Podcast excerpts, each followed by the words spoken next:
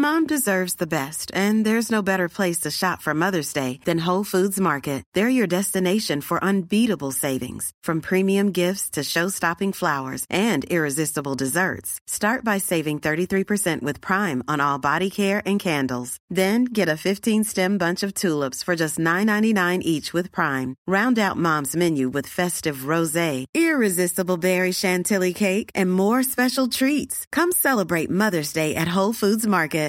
Hi, I'm Daniel, founder of Pretty Litter. Cats and cat owners deserve better than any old fashioned litter. That's why I teamed up with scientists and veterinarians to create Pretty Litter. Its innovative crystal formula has superior odor control and weighs up to 80% less than clay litter. Pretty Litter even monitors health by changing colors to help detect early signs of potential illness. It's the world's smartest kitty litter. Go to prettylitter.com and use code ACAST for 20% off your first order and a free cat toy. Terms and conditions apply. See site for details.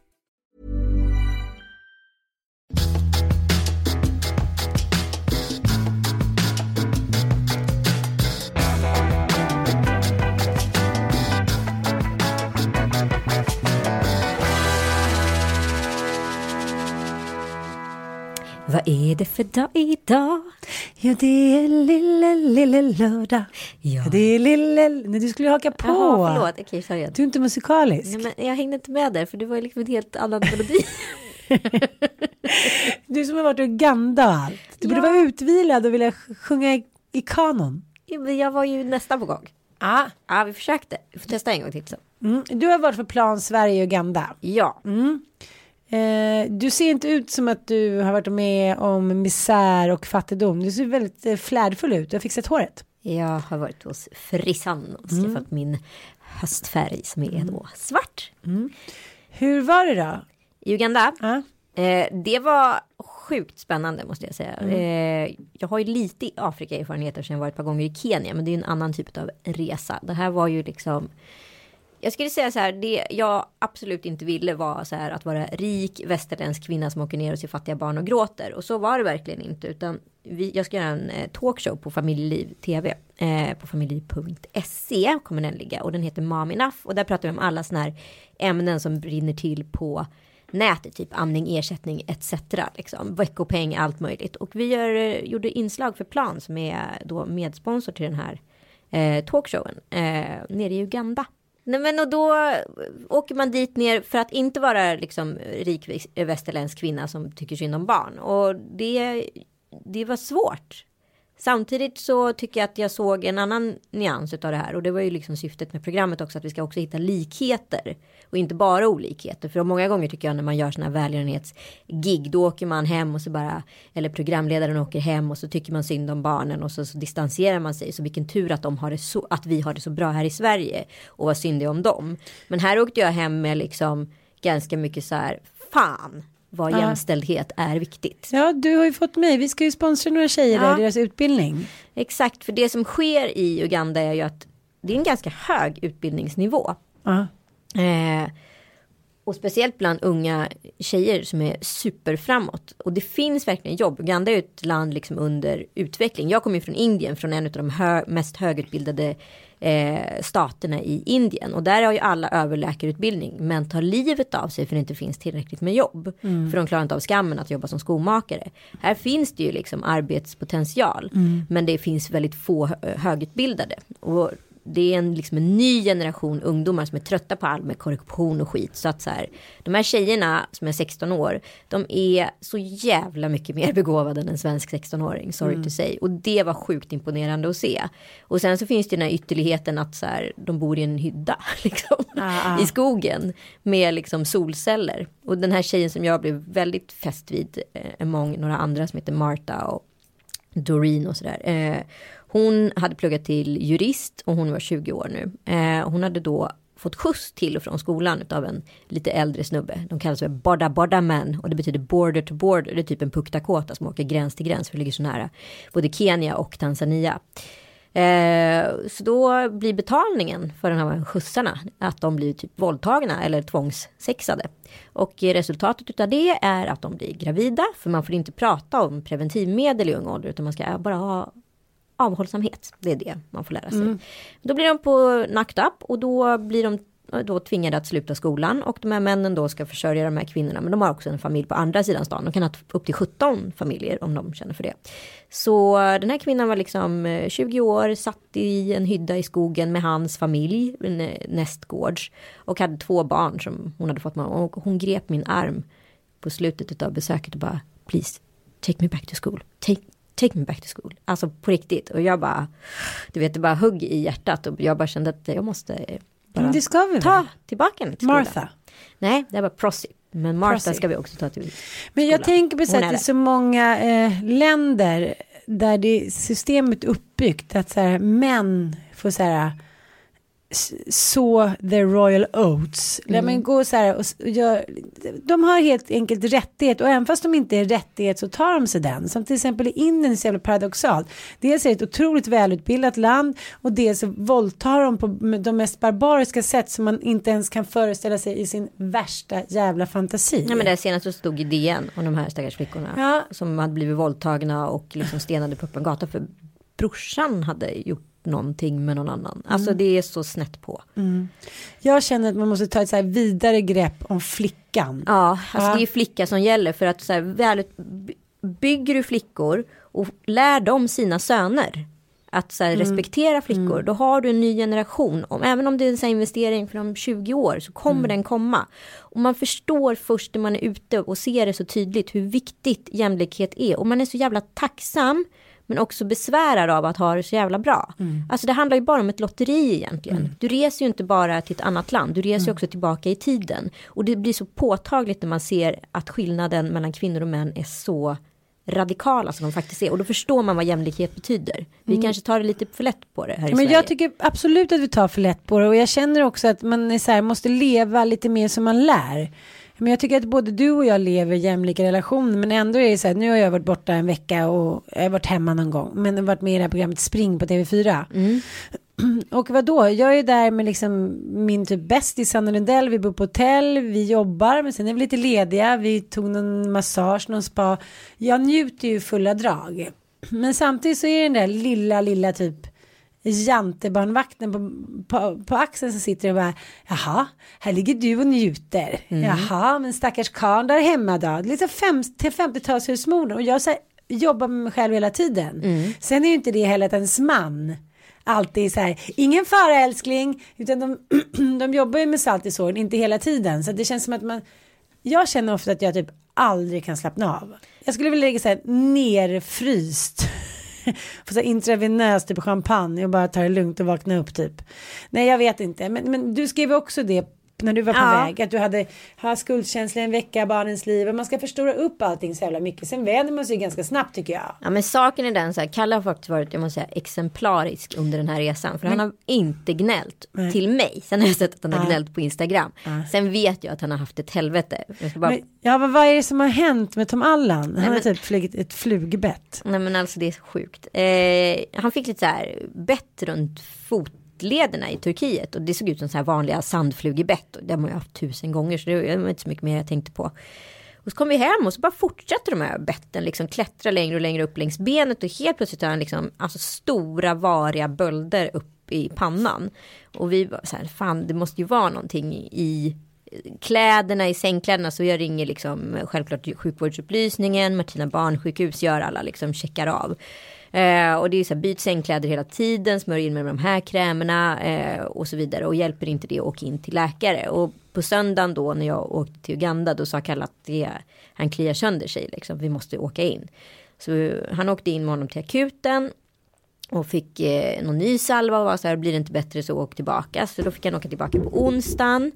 Eh, och sen på onsdagen så eh, fick de en remiss till hudspecialist och då hade jag också hittat, här måste en väldigt viktig detalj, jag hade också hittat lite ägg tror jag. Eller någon typ av eh, grej som var ungefär 3 mm lång, brun liten kokong i deras säng. Eh, barnens säng. Liksom. Så att jag hade samlat dem i en påse och den hade ju legat hemma i ungefär 10 dagar fram till det här. Så Kalle tog med sig den här påsen för de hade sagt till mig att så här, eh, ta med de där äggen för då kan man kolla på dem i lupp om det är någon typ av parasit eller vad det nu är för någon litet djur som är där i. Det äckligaste var ju att de här äggen hade kläckts i påsen och ut var det någon typ av äcklig jävla insekt som hade kommit. Någon flygande åbäke. Så till och med liksom sjuksystrarna fick så här klykningar typ av äckel.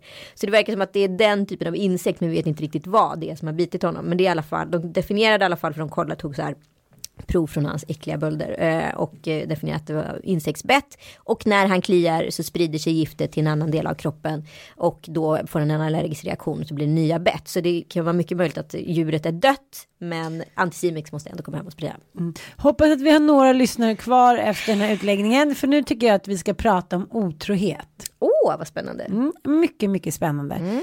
Eh, jag har varit det.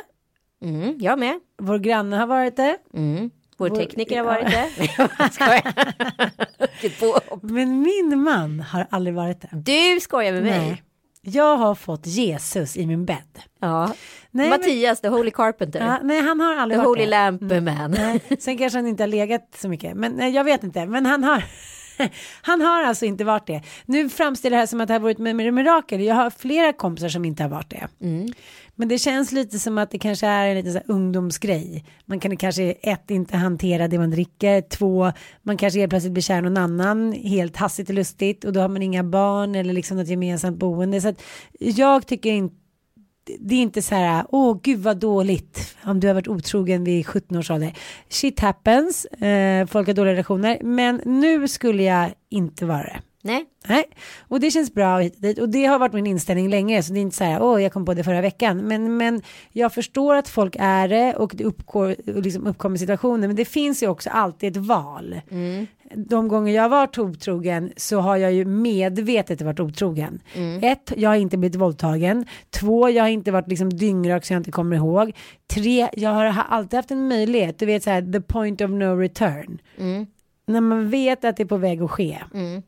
Då kan man säga antingen så här, ta ett steg tillbaka bakom kulisserna, gå hem eller så här, byta fokus. Så att, så här, att, att det bara blir så eller att man var full eller man filmar filmade fest eller stackars mig eller jag har inte blivit uppmärksammad. Det är ju ett spel det där och man är fullt medveten om vad man gör.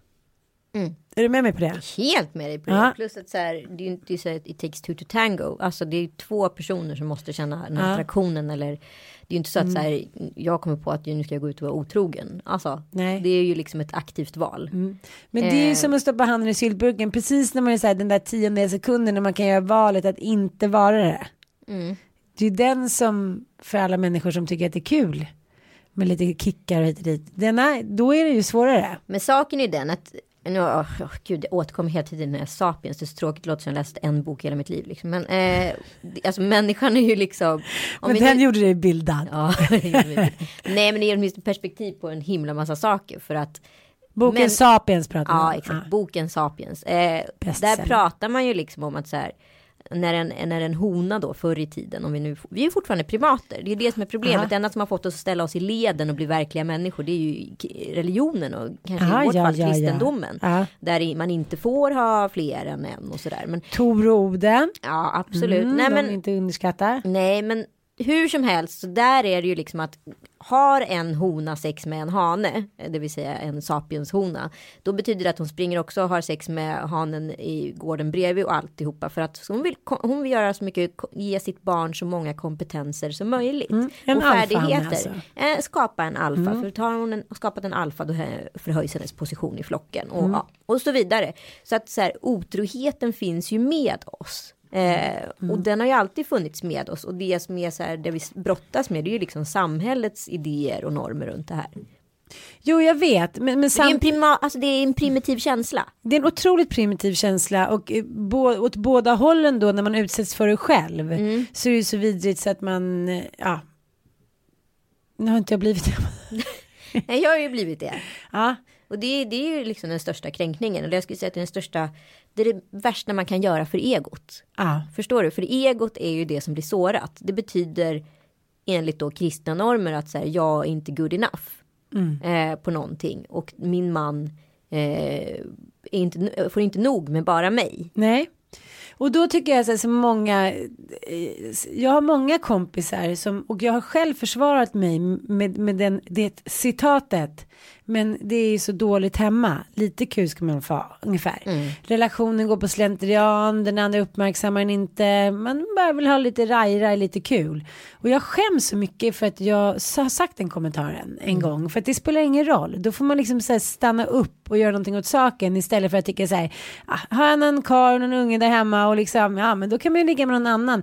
Och så är det bra med det. Att hen får skylla sig själv för att den liksom inte levererar. Men tycker inte du att väldigt många har den inställningen? Jo, verkligen. Och att det är så här att det är den andres fel att man är otrogen. Det är en väldigt märklig inställning. Mm. Jag tycker Karin Gide sa det så jävla fint till mig. När man så här. Det är ju tärande med småbarnsåren. Men liksom Mm. håll ihop. För fan belöningen kommer på andra sidan. Det Mm. kommer vara riktigt kul igen.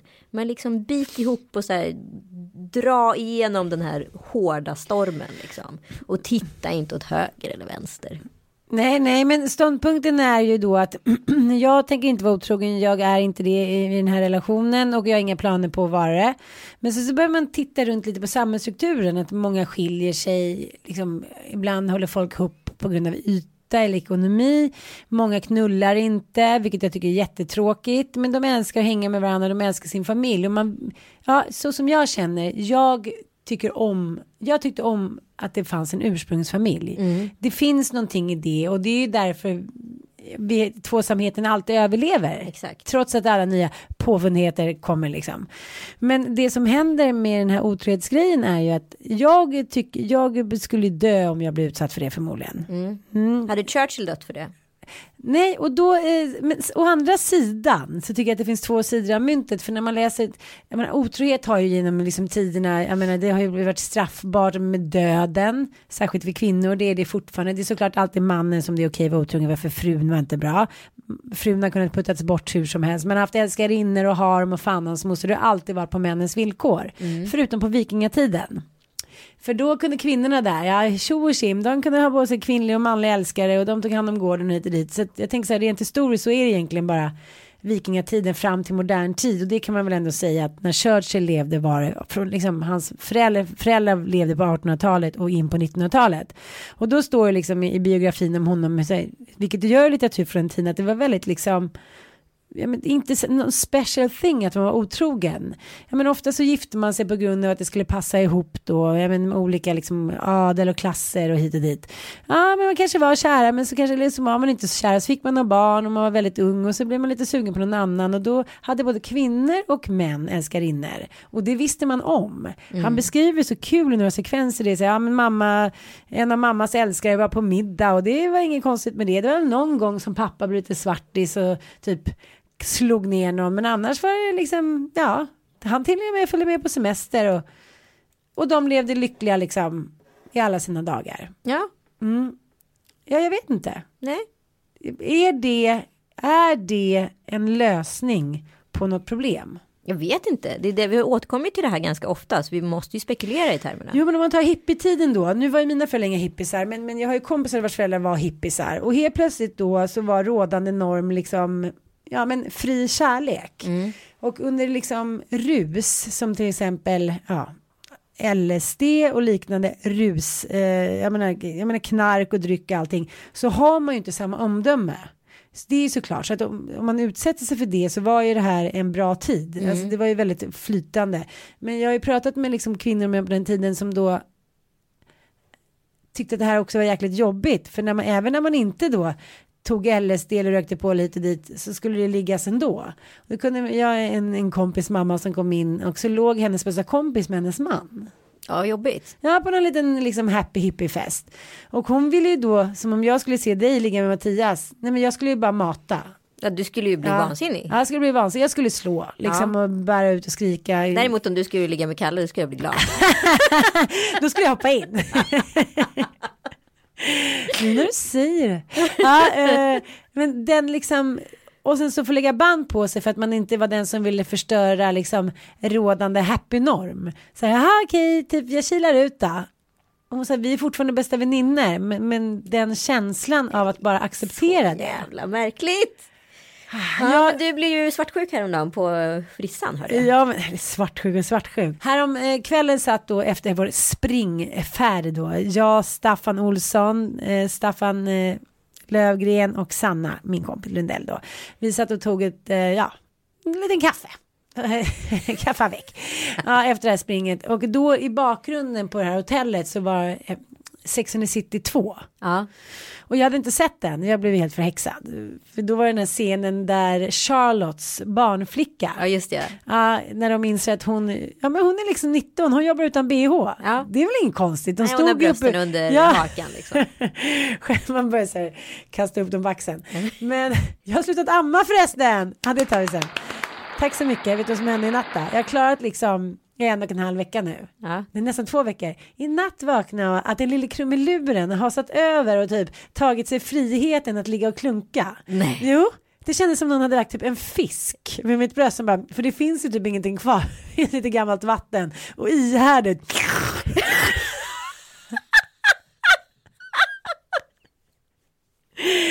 Och jag blev nästan så här, det var, det var som att ha typ, heter det karp? Fisken karp? Ja.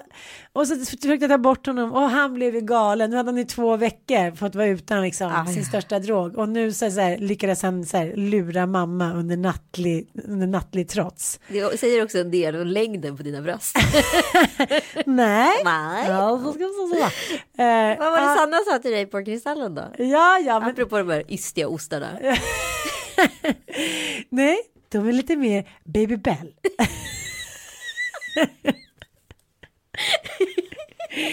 Vad pratar du om? Ja, då ligger han och ammar och så ska jag ta bort honom han blir helt galen. Så då får jag amma på lite. Så att nu är jag livrädd. Men ah, vad pratade vi om? Jo, vi pratade om de här tuttarna som den här barnvakten hade. Ja, och, då, och sen så blir det stö, liksom mer och mer scener att hon springer och han, ja, hennes man börjar duscha den här barnflickan och du vet, bröstvårtorna står i 180. Då framställs ju män, alltså nu är det Sex and the City så, så här, rest your case, men, men hur som helst tycker jag överlag i media och på tv och tidningar och film så framställs ju män som att säga de ser ett par bröstvårtor och slutar fungera. Ja. Så det är så här, om man någon gång skulle vilja så här, starta ett krig eller lura någon eller något så här, alla Troja, då skulle man alltså enligt ja, klichén bara kunna ställa en 19-årig tjej utan bh. Typ. Vad hände på hårfriseringen då? Jo men då har jag gått och tänkt lite på det här, ja men du vet otrohet med barn, flickor och liknande. Att så här, ja, men om någon skulle ställa en halvnaken skitsnygg 19-årig kille surfer dude framför mig på golfbanan. Då skulle jag ju också titta Ja, och liksom så här peka lite på er hit och dit. Varför ska det alltid framställas som att det bara är män som så här går igång på yngre killar? Exakt. Som att mammor är bara mammor och de sitter och, typ och dricker ett glas vin medan männen typ blir så kåta på en tjej som går förbi så att de typ inte kan andas. Men Då undrar jag så här, är det så här, har jag missat något? Är jag naiv? Nej, men det börjar väl bli en förflyttning. Nu börjar vi ändå se lite äldre kvinnor per definition som dejtar yngre män. Och det Jo, är väl jag ett val vet. som män har gjort i alla evigheter. Jo men jag undrar, det är väl inte så att män blir så där av att se ett par bröstvårtor? Det tror jag. Jag Okej. har blivit lurad i så många år. Hur som helst, när jag skulle då boka tid till frisören hos min man för han börjar få page, alla Filip Hammar 91. Inget fel i det, men det passar inte på min man. Och då går jag in till frisören och det står en mörk tjej. Det här jag har fullt i oktober med min kompis. Och det var det så här som på film. Hon kom långt inifrån med en liten hund. precis så här. kom det liksom så här. Ja, jag tänkte, henne har jag sett förut. Vi bor ju grannar med den här frisörsalongen. Ja jag, ja, jag vill boka en frisörtid till min kille liksom. Kille. Ja, jag har fullt i oktober. Min, min eh, väninna, eller vad heter det? Min eh, Kollega. kollega kommer här. Så var det tyst ett tag. Ja, så jag kan komma tillbaka lite senare för jag ska iväg på ett jobb. Och så plötsligt så kommer hon som genom en korridor inifrån liksom innerdelen av frisörsalongen där. Men så här superpetit, lite så här blond, lite så s- härlig tofs, så här fint makead som jag aldrig är. Sammetshy. Jag sammetsy och liksom de där obligatoriska frisörskorna, clacks. 23 centimeter fast de står och liksom klipper hela dagarna. Var så här, en kvinna som är behaglig.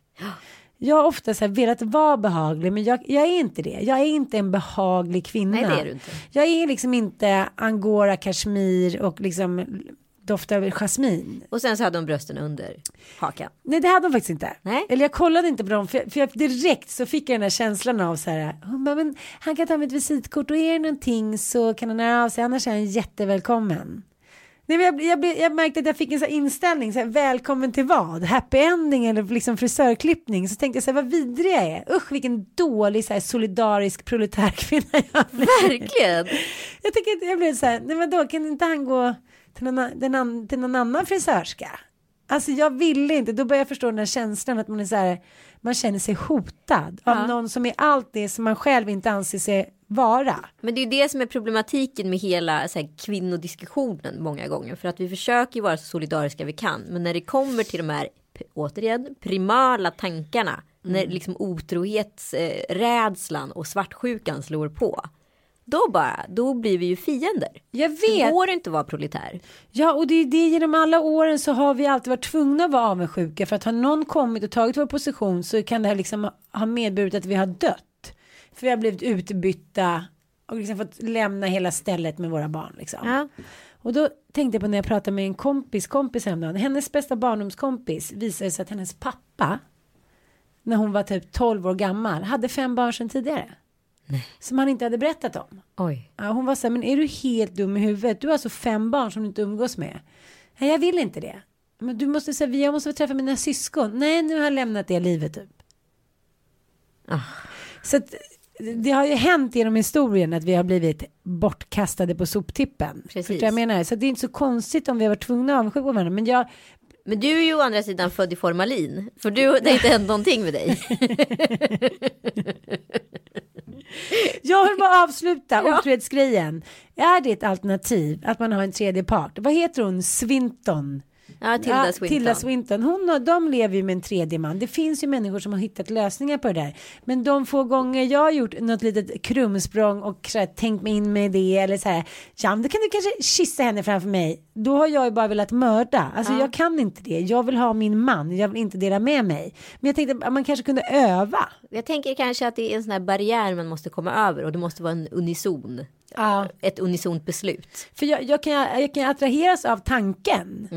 Att man så här går in och ut med, med män och kvinnor som ger en liksom lite extra krydda och som kanske är så här. Ja men jag är mer intresserad av litteratur än vad Mattias är. Då kanske vi har en litterär snubbe som bor hemma hos oss i tre veckor som jag kan prata med. Prata lite, med. prata med hans bokmal.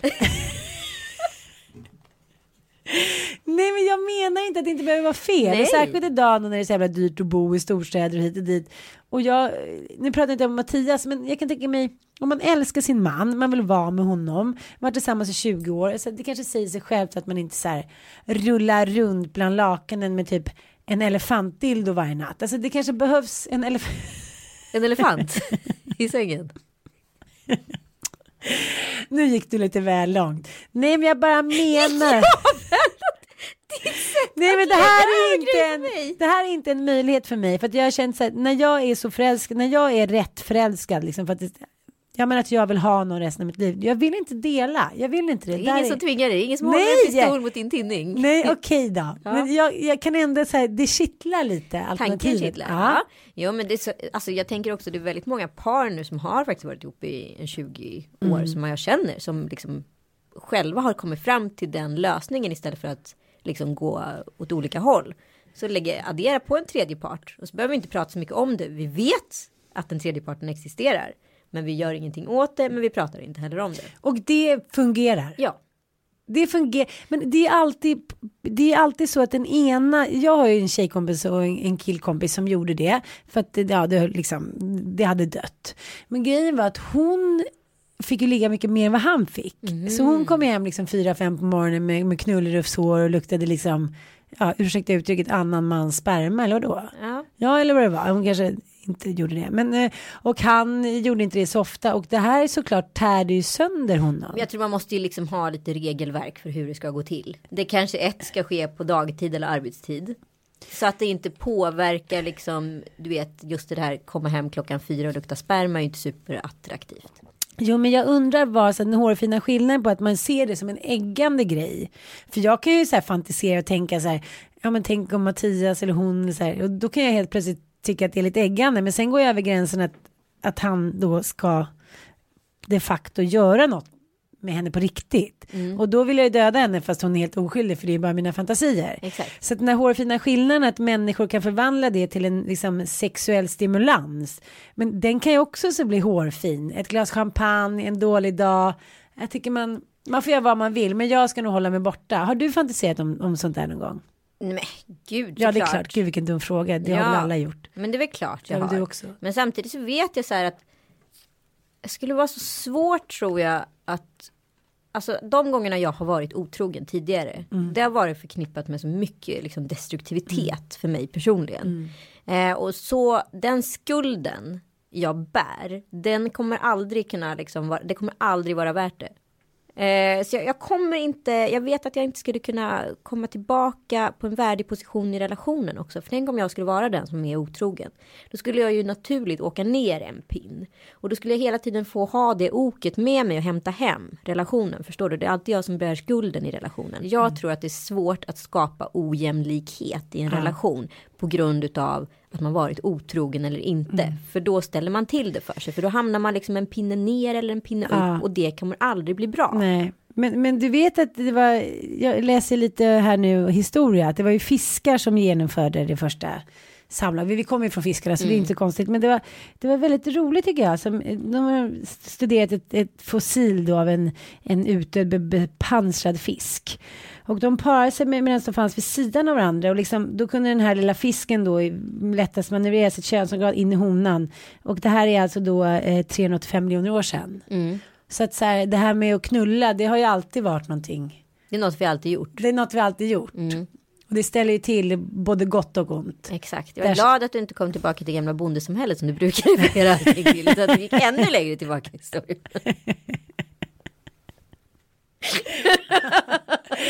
Men eh, vi måste prata lite om, eh, om Kristallen. Ja. Där var jag ju en riktigt proletärkvinna. Oj, oj, oj. Oj, Du var väldigt oj. snygg. Mm. Fick till det där i min lilla Ida Sjöstedt-trasa. Tyckte det var tjusigt. Ja, tjusigt. Eh, nej men den, det, den är ju liksom hittepå såklart. Men det gör ingenting. Det kan ju vara roligt. Alla ska väl få ha en stor firmafest. Klart. Det var Frågan väl- om man ska tv-sända den. Nej, det tycker jag nog inte. Det var roligt innan de gjorde det. Men det har ju blivit, jag bara känner så vad prål. Det, det känns inte så feministiskt modet för tillfället. Det är riktig prinsessa Pärten. Det är prål och spetsar och det är, Mm. jag vet inte. Till att börja med så tycker jag så här. Det finns några så här generalfer Sverige gör varje gång. Eh, det är att de så här gör en röda matta. De gör allting tjusigt. Men det måste skickas ut en jävla fucking dresscode. Om det är gala så är det smoking som gäller. Och då är det liksom på med den. Inte liksom komma i någon så här crazy outfit. Utan kom nu som en riktig jävla gala. Sen sittande runda bord, absolut.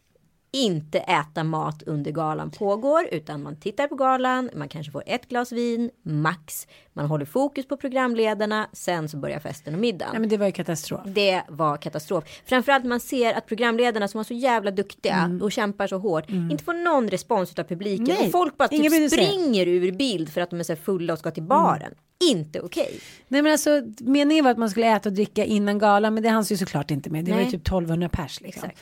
Men ibland var det typ ingen som satt vid bordet. Nej, Och folk bara var ute och rökte och drack och liksom. men jag har ju varit där tusen gånger. Ja. Jag vet ju hur det funkar där. Liksom. Sån otroligt disrespekt och den där programledaren. Jag känner så här att de inte bara, att de inte bara lämnar galan. Nej men saken är den att sen när SVT kör den där galan då blir det ju sittande parkett för de har inga reklambreaks. När fort de kommersiella kanalerna kör galan då springer alla ut och röker och krökar liksom. Mm. Men då och det funkar inte. Men jag tycker inte att liksom prime time, svensk tv, så här, barn och vuxna och gamla, alla sitter tillsammans. Ska de behöva se liksom halvblariga tv-kändisar sitta och supa liksom på direkt, i direktsändning? Men det är jag så tycker jävla inte det. Mm. ovärdigt. Det är så dåligt på alla sätt och vis. Men sen var det ju också liksom lite andra små fadäser. Kan vi minst sagt säga. Lindorf, Mm. Linda Lindorf, går från galan för att inte hon har fått pris. Det var märkligt. Men då kan väl någon förklara för henne att det är så här, hon Det är säger inget tacksamhetspris. Nej, och det är så här, hon säger det är sjunde säsongen nu. Ja, men det kanske förklarar så här. Vem ska, man ska väl inte premieras efter sju säsonger? Är det bra så får man liksom priset säsong ett eller säsong två.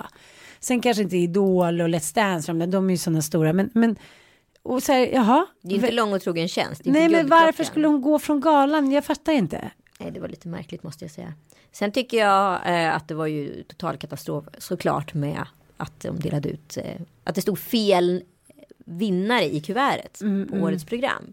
Det stod eh, liksom Let's Dance framför Idol. Mm. Och det var, uppstod ju minst sagt förvirring kan man ju kanske konstatera. Och det kändes lite som att luften gick ur. Ja men det var ju lite efter det, om vi inte liksom, eller jag, nu ska jag inte dra mig själv, om folk inte brydde sig särskilt mycket innan om vad som pågick på scenen så gav ju folk upp helt. Då var det så här fritt fram, det här är ändå bara liksom en Lattjo Lajban på gala nu kan vi liksom dricka på rejält och Exakt. snicksnacka. Det var verkligen så. Ja, eh, och det var ju inte så himla kul för trean. Och jag tycker fan lite synd om trean. Ja, jag håller med. Och de behövde inte haft den. För det här återigen, det var ju så här uppenbart mänskliga faktorn. Det var, det hade blivit något fel på tryckeriet nere på glasbruket. Och den stackaren som hade skrivit på det här kuvertet hade såklart inte kollat på jurylapparna utan vad som stod på priset. Mm, Ja, så det är väl någon stackars praktikant som hade gjort det där då, och som ja, fick åka så att säga. Däremot blev jag väldigt irriterad på Jessica Almenäs att hon som kanalprofil på fyran sänker trean, så här, dålig trean, gå typ en kurs liksom hur man gör. Det här skulle aldrig ske på fyran. Eh, ja, Gry Forssell gjorde ju, sa ju fel körslagslag som vann och sådana där grejer. Så att jag tycker så här, som kanalprofil får man faktiskt inte säga att en annan kanal är dålig. Där, det kan alla andra få göra. Men liksom hon ska verkligen ta det lugnt på den fronten. Men ni började bråka lite om det på Insta. Ja, vi körde en liten diskussion där. Jag tycker om Jessica, så no hard feelings. Men liksom just den grejen var, om vi hade haft en diskussion muntligt så hade det inte blivit lika hårt. Men det, det kanske framstod lite hårdare. Jag- Hon vet ju precis som du och jag att det är produktionsbolaget som där grundligen har gjort fel. Men hon var väl ledsen. Jag kan tänka mig, jag kan tänka mig in i den situationen. Nu var jag nominerad för Djävulsdansen men det gick till Fosterland. Och jag blev ju väldigt besviken. Det blir man ju liksom. Men tänk om jag hade stått där med min kristall och sen gått och satt mig. Så hade det kommit någon liksom typ en liten produktionsmänniska bara kan jag få tillbaka den? Det blev fel. Nej men då hade jag blivit galen. Så det var ju såklart. Såklart var det känslor kopplade till ja. det. Men jag håller med dig. Men liksom, man behöver aldrig liksom slå ner på andra. Nej, Det man kan vara med. arg på eh, själva grejen i sig. Men man behöver inte gå på kanalen, att det är kanalen som är oproffsig. Nej. För att det var ju faktiskt inte det. I det här fallet. Well, Well done, men jag måste berätta en annan sak. Ja. Jag och Anna Bok är vänner. jag såg det Mm, på Instagram. Hade hon hört podden? Jag vet inte, för grejen är att hon står ju bakom mig i kön. För er som inte hört det här så har ju jag, jag haft en liten beef, så här, liksom inte uttalad för att jag vet inte. Years and years. Years and years ago och det var inte meningen och jag har ingenting emot henne alls, jag tycker hon är jättehärlig. Men det har i alla fall hållit i sig, har jag trott. Jag har trott att hon typ in, hatar mig. Så hon hamnar bakom mig på kön och till röda mattan på Kristallen och jag är så här, jag ska låtsas som det regnar och vad det istället för att vända mig om och vara så här storsint och ge en kram och sån här, tjena Anna, hur är läget? Och så här, för jag är ju, så håller ju hela tiden på att prata om att jag är sur på Peter. Peter Magnusson. För att han håller på att supa mig fortfarande för att jag sa att, att Ola Rapace var en bättre skådis. Oj. Ja, och nu håller jag ju på med samma fadäser. Mm. Men sen när vi in på toaletten och då står hon där och säger hej Ann, hej gullis, hej Sanna. Och bara ni är så himla duktiga och jag har läst boken och Djävulsdansen, det var fantastisk och får vi ta en bild och så här. Och jag, och jag blir så nervös. Jag bara, ja, hej. Så vi kramas och hon skickade bilden på, på Insta. Och jag måste säga så här, jag, måste, jag tycker att det finns en del kvinnor som liksom inte premieras tillräckligt mycket. Inom den kategorin, kategorin finns Pernilla Wahlgren, all cred åt henne, kämpar som ett svin. Eh, jag bara Sanna Lundell, vet inte varför jag sa. Ann Söderlund. Anita. Nej, men, men eh, och Anna Bok som liksom, de är så här, de kämpar på, det är inte alltid lätt, det är så här män som sviker och barn och operationer hit och dit och ändå så är de så jävla duktiga och kärleksfulla och bjussiga och generösa och liksom är jävligt livsbejakande. Jag tycker det är stort. Det där är ingen gnällfia alltså. Nej, Nej. hon är cool. Ja, hon är cool. Ha.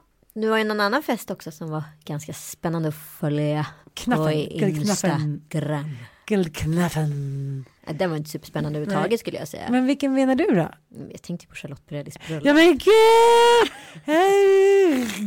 Jag var helt besatt hela dagen. Ja, jag med. Nej, Men alltså ärligt Den där talat. hashtaggen. Jag bara satt och uppdatera, Ja, uppdatera, uppdatera. jag vet. Men först och främst, tack Charlotte för att du bjussade på det där. Så här, du Alltså, förgyllde min dag. Du visade också exakt hur jag inte vill ha det på mitt bröllop.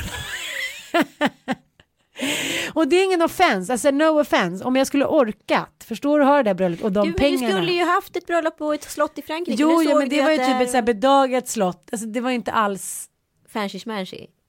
Jo men det var då fancy smanshy, det där kanske inte heller var så fancy smanshy egentligen. När man tittar på insidan var det ju liksom, ja, men det var ju inte så här Versailles. Nej.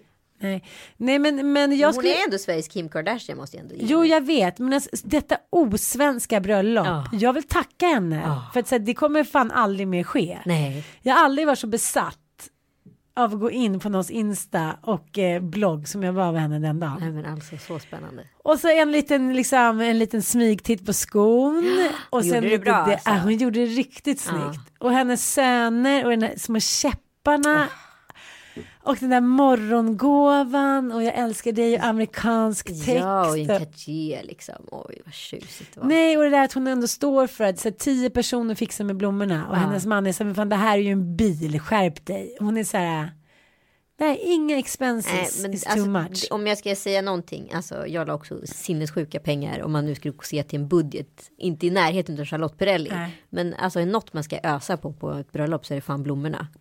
Jag håller med. Sofias, hur fint. Ja, jag alltså, håller med men- amazing. Ibland går man ju på bröllop och det är inte en blomma, den fattar inte jag. sjukt ju.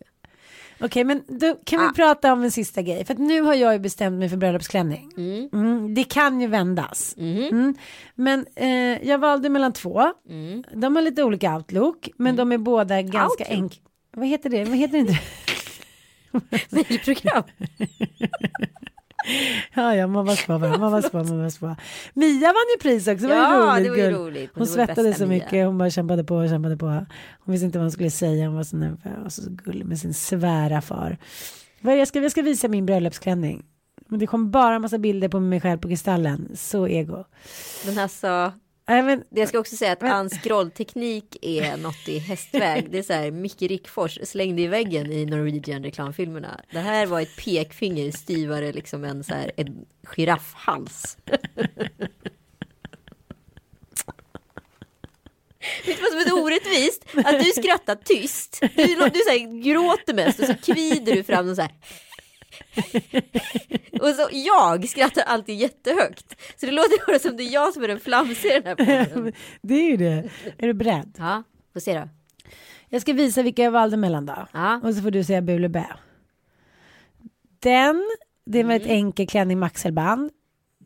Eh, den som känns mer typ Sanna Lundell än jag. Väldigt så här Ida Sjöstedt prinsessig. Så då blev det den. Oj vad fin, lite mer grekisk gudinna. Ja, men blandat med lite sexy. Ja, jag fattar. Det är väldigt Ann Söderlundsk. Tycker du det? Ja, gud vad bra. För den där tyckte jag är fin, men den där är lite för prinsessa för mig va? Ja, kan funka skulle jag säga, men jag skulle nog köra på den förra. Och så har jag en till, men den är lite mer 40-tal. Men du får inte ha puffar. flor till den som du har valt. Nej, nej men den ska bara vara så här. Ja, Och så ska Så den gör du fin i Ja, men den bara. ska inte vara benvid och så ska det vara liksom lite rufsigt. Inte rufsigt, uppsatt. Mm. Men jag tänker också att jag tycker att det är viktigt att eftersom jag inte är 22 Mm. så ska jag inte jobba så mycket med liksom ja, men långa släp och tyll och prinsessstilen utan så här, jag är en kvinna, jag är en så här vuxen stark kvinna som själv har betalt min klänning och det måste ändå så här lysa igenom. Mm. Det tror jag i och för sig Charlotte Perrelli också hade gjort med tanke på att hon hade en Elisab för 500 000 kronor. Jag undrar, får man när man är gift för andra gången? Det här är ju väldigt spännande för jag Ja, tycker att hon, ja, ja. hon gjorde det liksom. Det Men får klänning. man ha en prinsessbakelse när man gifter sig andra gången? Och Hon hade, för hon 40? hade ju notice en prinsessbakelse även under första bröllopet. Exakt. Och då var hon i och för sig höggravid så det här är väl något annorlunda. Nej, jag, jag sa det också till eh, min karaslok när vi låg och pratade om det här och även Sanna och jag pratade om det här. Att det är nästan lite märkligt, man gör först ett sagobröllop och sen gör man ett ännu större sagobröllop. Men det är ju hon och Det jag måste hon. älska henne för det. Absolut. Menar, alltså, det var ju en show utan dess like. Ja men alltså jag har ju varit underhållen hela helgen. Ja, jag med. Och människor som ger en det där extra ska premieras, prinsessklänning eller inte. Absolut. Men Det är en väldigt intressant diskussion ändå. Ja, det tycker Ja. jag. Och den där eh, mannen då som hamnar i några... Förstår du vad man måste leverera när man är tillsammans med en? Jag sa det till Mattias. Du ska vara så glad att du är tillsammans med mig. Jag är så nöjd med minsta lilla grej. Tänk om du var tillsammans med Charlotte Perrelli. Cartier, liksom... Hon ger ju en grej till honom. Nu var det säkert någon form av sponsor som det var Cartier till båda. Men man måste ju ändå känna hur man ska leverera när man lever med en liksom levande prinsessa. Men det är ju helikopter och Ja, för att annars är hon missnöjd. Ja. Ja. Men, men jag har bestämt mig för att jag ska vara lite mer. För jag köper grejer till Mattias och presenter och hit och dit. Nu, nu ska jag kräva lite mer prinsesslik. Jag, ska säga att jag vill bli behandlad som en prinsessa nästa vecka och sen ska man säga till dig hur det går. Ja. Och nu ska jag säga till dig hur det Ja, går. för vi gör ju många sådana här grejer Ann. Och så blir det inte så mycket med det. Men eh, Nu ska jag göra det. Mm. Jag ska också en det. bingoplåtning framför oss. Just ja. Ska vi ta tag i den då? Ja, det ska vi göra. Tack för idag. Eh, vi har inte uppmuntrat otrohet. Nej, det har vi verkligen inte Nej. gjort. Vi spekulerar där om, om det kanske är en lösning för framtida bruk. Mm. För någon annan. Man kan ju drömma om lite fri kärlek. Det får man alltid göra. I huvudet får man vara hur otrolig som helst. Älskar dig. Älskar dig.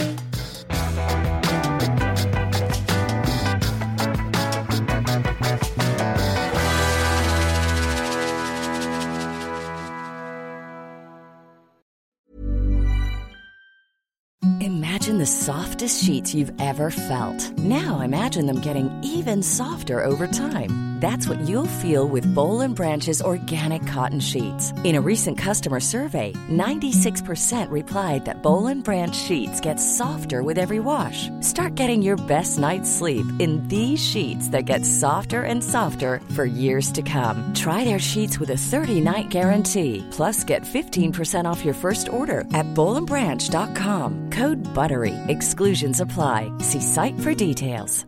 Hey, it's Paige DeSorbo from Giggly Squad. High quality fashion without the price tag. Say hello to Quince.